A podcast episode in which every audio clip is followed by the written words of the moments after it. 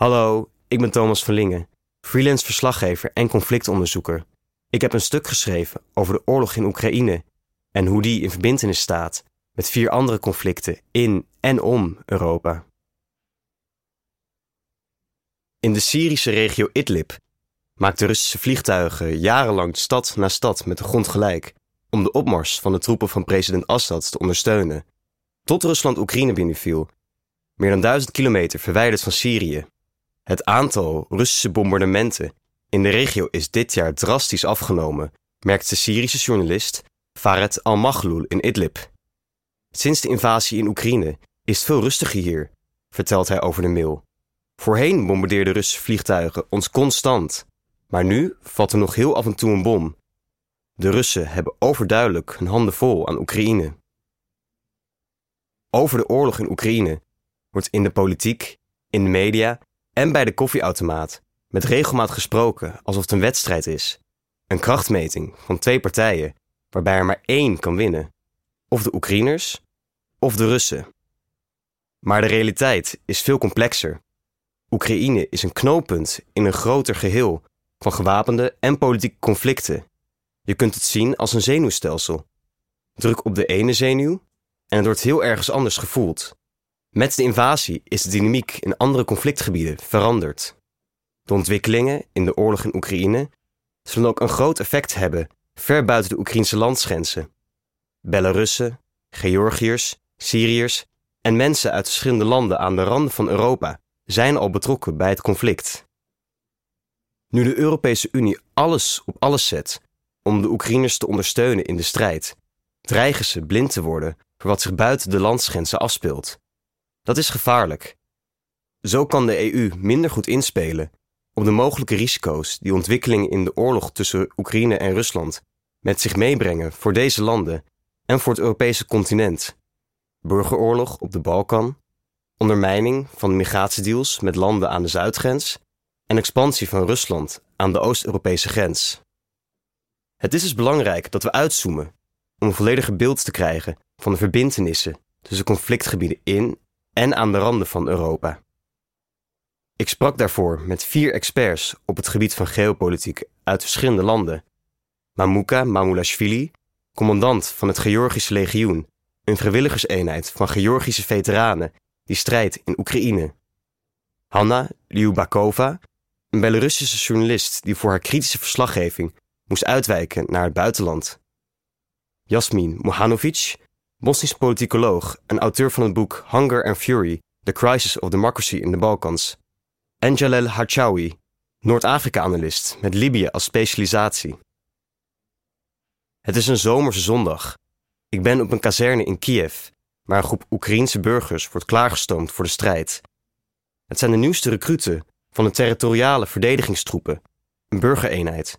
Zij dienen als achterhoede voor het reguliere leger. De geweren waarmee de recruten trainen zijn houten showmodellen. En een aantal van hen loopt rond in een Adidas trainingsbroek.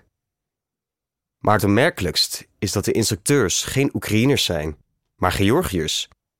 De kazerne is het hoofdkwartier van het Georgische legioen, een vrijwilligersleger dat exclusief uit strijders van buiten Oekraïne bestaat, opgericht om de Oekraïnse strijdkrachten te steunen in de strijd en om Oekraïners op te leiden zichzelf te verdedigen tegen de Russen. De meeste leden van het legioen komen daadwerkelijk uit Georgië, waar ze al eerder tegen Rusland vochten. Die oorlog leek griezelig veel op de situatie in Oekraïne.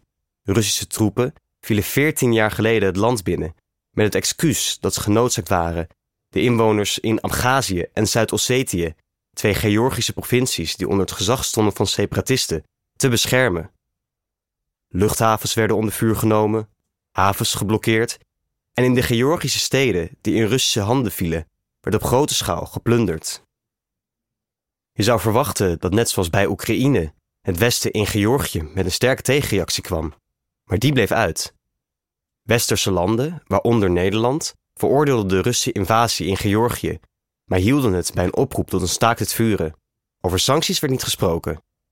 Internationale inmenging zorgde er uiteindelijk voor dat Rusland de opmars staakte en zich terugtrok uit grote delen van het land. Maar Abhazie en Zuid-Ossetië bleven onder Russische bezetting. Veertien jaar later zijn de Russische troepen daar nog altijd aanwezig voor de Georgische hoofdstad Tbilisi, slechts 50 kilometer verwijderd van de dichtstbijzijnde Russische posities, betekent deze illegale aanwezigheid op Georgisch grondgebied een constante schending van hun territoriale integriteit. De vrees bestaat dat op een dag de Russen besluiten weer op te rukken naar Tbilisi, dit keer om de gehele Georgische staat te onderwerpen. Europa is bezorgd over de Russische activiteiten in Georgië, want ook hier lapt Rusland de internationale rechtsorde aan de laars. Het viel een soeverein land binnen, verdreef de lokale bevolking en hielp separatisten aan de macht. Alle misdaden waar de Russen in Oekraïne schuldig aan zijn, oefenden ze eerder in Georgië. Op de kazerne in Kiev spreek ik Mamuka Mamulashvili, commandant van het Georgische legioen, de Georgische veteraan vecht al sinds zijn veertiende tegen het Kremlin en bondgenoten. Als tiener vocht hij samen met zijn vader tegen separatisten in Abhazie. En in 2008 vocht Mamulashvili ook tegen het Russische leger toen dat Georgië binnenviel. En nu weer, in de strijd in Oekraïne. Voor Mamulashvili zijn de oorlog in Oekraïne en conflicten in Georgië onderdeel van dezelfde strijd tegen de Russische expansiedrift. Hij zegt: Als Oekraïne wordt verslagen is Georgië het volgende doelwit. We hebben gezien hoe de Russen daar tekeer gingen in 2008. Toen namen ze genoegen met alleen Abhazie en Zuid-Ossetië. De volgende keer zullen ze het hele land willen bezetten. Wij vechten hier in Oekraïne dus ook om de onafhankelijkheid van Georgië te verdedigen. Sinds februari zijn honderden Georgiërs naar Oekraïne afgereisd om zich bij het legioen te voegen. Net als Mamulashvili zijn het bijna allemaal veteranen uit de oorlog van 2008. In Georgië wordt de samenleving opgetrommeld om Oekraïne te steunen. Tijdens de eerste maanden van de invasie verzamelden duizenden Georgiërs zich wekelijks voor het parlementsgebouw in Tbilisi om steun te betuigen aan Oekraïne. Berichten over separatisten uit Abhazie en Zuid-Ossetië die zouden zijn gespot aan de Russische zijde in Oekraïne maken de Georgiërs nog strijdbaarder. De Georgiërs zijn niet de enige vrijwilligers die in groot getalen naar Oekraïne zijn afgereisd. Al tijdens de eerste weken van de invasie verschenen de eerste berichten over bataljons uit Belarus die actief waren rond Kiev. Het Belarusse bataljon dat het meeste aanzien heeft vergaard is het Kastus Kalinovsky-regiment, een eenheid van rond duizend vrijwilligers die vechten onder een wit-rood-witte vlag. De voormalige vlag van Belarus die wordt geassocieerd met de pro-democratiebeweging van oppositieleider Svetlana Tsikhanovskaya. Deze vrijwilligers wilden de Oekraïne om daar hun strijd tegen het regime van dictator Alexander Lukashenko voor te zetten. De dictator liet in de dagen voor de invasie Russische troepen binnen in Belarus. Diezelfde troepen gebruikten het Belarusisch grondgebied als springplank voor de opmars naar Kiev. Hiermee werd Lukashenko in de ogen van zowel Oekraïne, de Belarussische oppositie, als het Westen medeplichtig aan de Russische invasie. Ik spreek Hanna Liubakova aan de telefoon. Ze zegt dat door Lukashenko's bijdrage aan de Russische invasie de toekomst van de strijd voor democratie in Belarus is verbonden met het lot van Oekraïne. Zij legt uit: Als Rusland overwint in Oekraïne, dan zullen zowel Poetin als Lukashenko een veel sterkere machtspositie hebben. Voor de Belarussen heeft de Russische overwinning tot gevolg dat de kans om ons land te bevrijden van de dictatuur van Lukashenko veel kleiner wordt. De oppositiebeweging van Tsiganovskaya, die sinds 2020 in ballingschap opereert vanuit Litouwen, heeft volgens Liu Bakova hun strategie nu dan ook flink veranderd. Overal waar Tsiganovskaya verscheen, sprak ze niet alleen over Belarus, maar ook over het belang om Oekraïne te steunen. De Belarusische diaspora in het Westen is opgeroepen om acties op te zetten om Oekraïne te steunen, zoals het leveren van medicijnen. Of de Belarussische strijders in Oekraïne uiteindelijk huiswaarts zullen keren om daar het gewapende verzet te ontketenen, is volgens Lyubakova erg onzeker. Ze zegt: We hebben het hier uiteindelijk over ongeveer 1500 manschappen. Dat zal niet genoeg zijn om het regime ten val te brengen. Toch zullen ze zeker in staat zijn om het regime van Lukashenko nerveus te maken. Hun belangrijkste taak is dan ook een symbolische: dat ze de wereld laten zien dat wij Belarussen niet achter de Russische invasie staan, maar ons hier actief tegen verzetten. Het lijkt alweer lang geleden dat het oorlog was in de Balkan. Sinds er een einde kwam aan het geweld, vinden de landen uit voormalig Joegoslavië langzaam hun plek in Europa, of hebben ze zicht op een EU-lidmaatschap op termijn. Toch is het gevaar van een nieuwe oorlog in de regio nooit geweken, zeker niet in Bosnië. Het land ligt op een zeer kwetsbare plek. Een nieuwe golf van geweld, midden in Europa, zal grote gevolgen hebben voor de stabiliteit van het hele continent. En de kans op zo'n golf is volgens Jasmin Mohanovic vrij groot. Hij legt uit: door de oorlog in Oekraïne we het haast vergeten, maar in december en januari van 2021, 22 stond Bosnië bijna op voet van burgeroorlog. De Bosnisch-Servische leider Milorad Dodik leek voorbereidingen te treffen om de Servische entiteit Republika Srpska af te scheiden van de Bosnische staat, wat ongetwijfeld zou hebben geleid tot een gewapend conflict. Als Kiev was gevallen tijdens de eerste paar dagen van de invasie, was voor Bosnië te laat geweest, denkt Mohanovic. Dan hadden we nu waarschijnlijk te maken gehad met een nieuwe golf van geweld. Dodik is afhankelijk van de steun van het Kremlin om zijn eigen plannen voor afscheiding door te zetten. Zonder een sterk Rusland is zijn kans van slagen erg onzeker. Nu Oekraïne stand houdt en de Russen juist verzwakt lijken, bevindt hij zich in een lastige positie. Hij zal voorzichtig moeten zijn. Maar helemaal gerustgesteld zijn ze in Bosnië niet.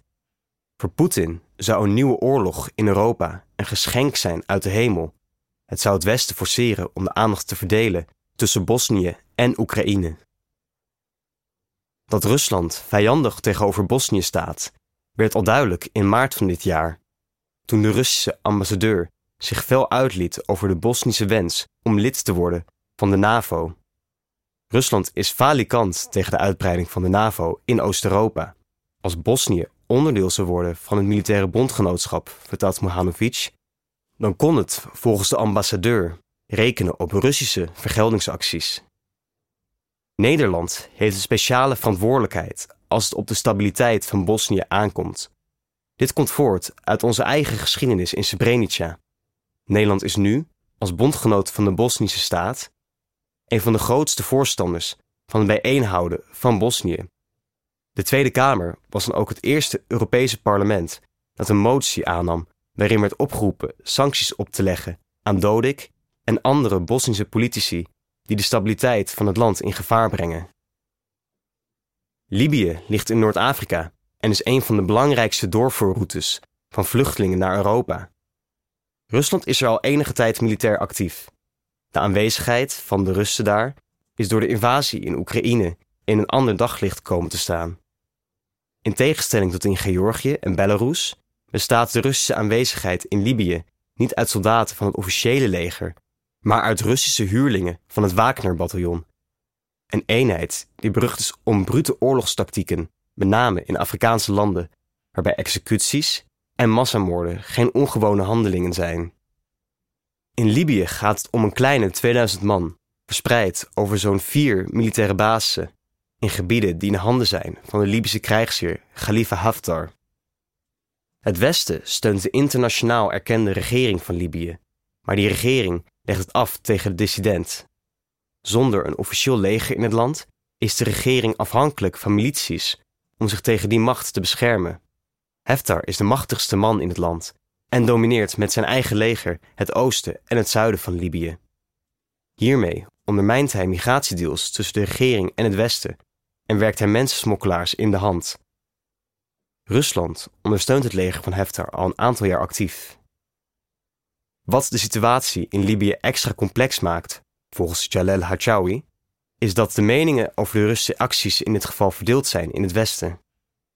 Hij zegt: met name de Amerikanen zitten in een lastige positie.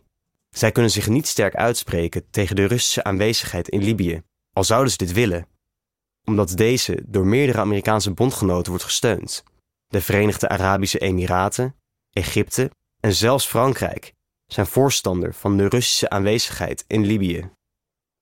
Hij vervolgt: Aan de andere kant heb je het Verenigd Koninkrijk, Italië en Turkije, die er helemaal niet tevreden mee zijn en de Russen het liefst zo snel mogelijk zien vertrekken, aldus Harchawi.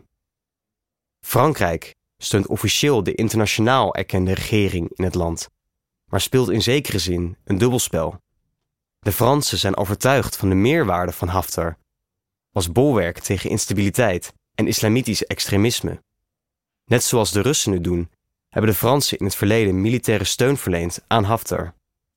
Dit in tegenstelling tot de meeste andere westerse landen, die in Haftar een machtswillustige alleenheerser zien. De Russen zitten momenteel erg comfortabel in Libië. Het Noord-Afrikaanse land heeft een van de grootste olievoorraden ter wereld en het ligt strategisch ten zuiden van Europa. Volgens Harchaoui vormen de Russen daar ook om deze redenen een reële dreiging voor Europa. Hij legt uit: waar de NAVO de militaire aanwezigheid aan de oostgrens van Europa flink heeft opgeschroefd, was dit in het zuiden niet het geval. De zuidflank van Europa is dus relatief kwetsbaar. Voor de Russen is het erg makkelijk om vanuit Libië druk uit te oefenen op Europa en daarmee op de NAVO.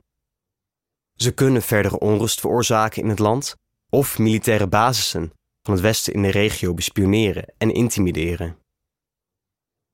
Libië vormt het grootste risico voor een serieuze en mogelijk directe confrontatie tussen Rusland en het Westen, zegt Harchaoui. Voor de invasie van Oekraïne werd de machtsbalans in Libië min of meer door alle partijen gerespecteerd. Maar sindsdien is de situatie weer op scherp gezet. Als de Russen besluiten niks uit te halen, dan kunnen ze het makkelijk nog een jaar of mogelijk langer uithouden in Libië zonder in de problemen te komen. Maar ze kunnen er ook voor kiezen om over te gaan op een provocatie tegen het Westen, bijvoorbeeld door generaal Haftar te ondersteunen om aan de macht te komen en daarmee de Libische bondgenoten van het Westen buitenspel te zetten. Oftewel, een coup tegen de nationale regering plegen. Het is dus goed denkbaar dat de VS, het VK of Italië besluit om luchtaanvallen uit te voeren op Russische basissen in Libië, om zo korte metten te maken met de Russische aanwezigheid aan de zuidflank van Europa. De ontwikkelingen aan het front in Oekraïne hebben gevolgen ver buiten de landsgrenzen, gevolgen die ieder weer nieuwe uitdagingen voor Europa met zich meebrengen. Europa liet zich op 24 februari overvallen toen Poetin tot ieders verbazing overging tot een invasie van Oekraïne. We hoeven ons niet nog eens te laten verrassen. Het is de missie van de correspondent om voorbij de waan van de dag te gaan. Onze correspondenten voorzien het nieuws van context en schrijven over de grote thema's van deze tijd. De correspondent geeft me de vrijheid om mijn nieuwsgierigheid te volgen en de tijd om verhalen te schrijven. En zo probeer ik onzichtbare structuren zichtbaar te maken en een andere kijk te bieden op debatten die het nieuws domineren. Dan gaat het minder over het spelletje en veel meer over wat er op het spel staat.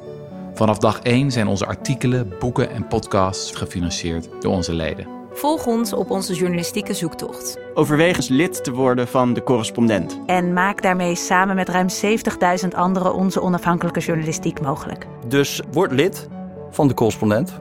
Ja. Word lid. Word lid.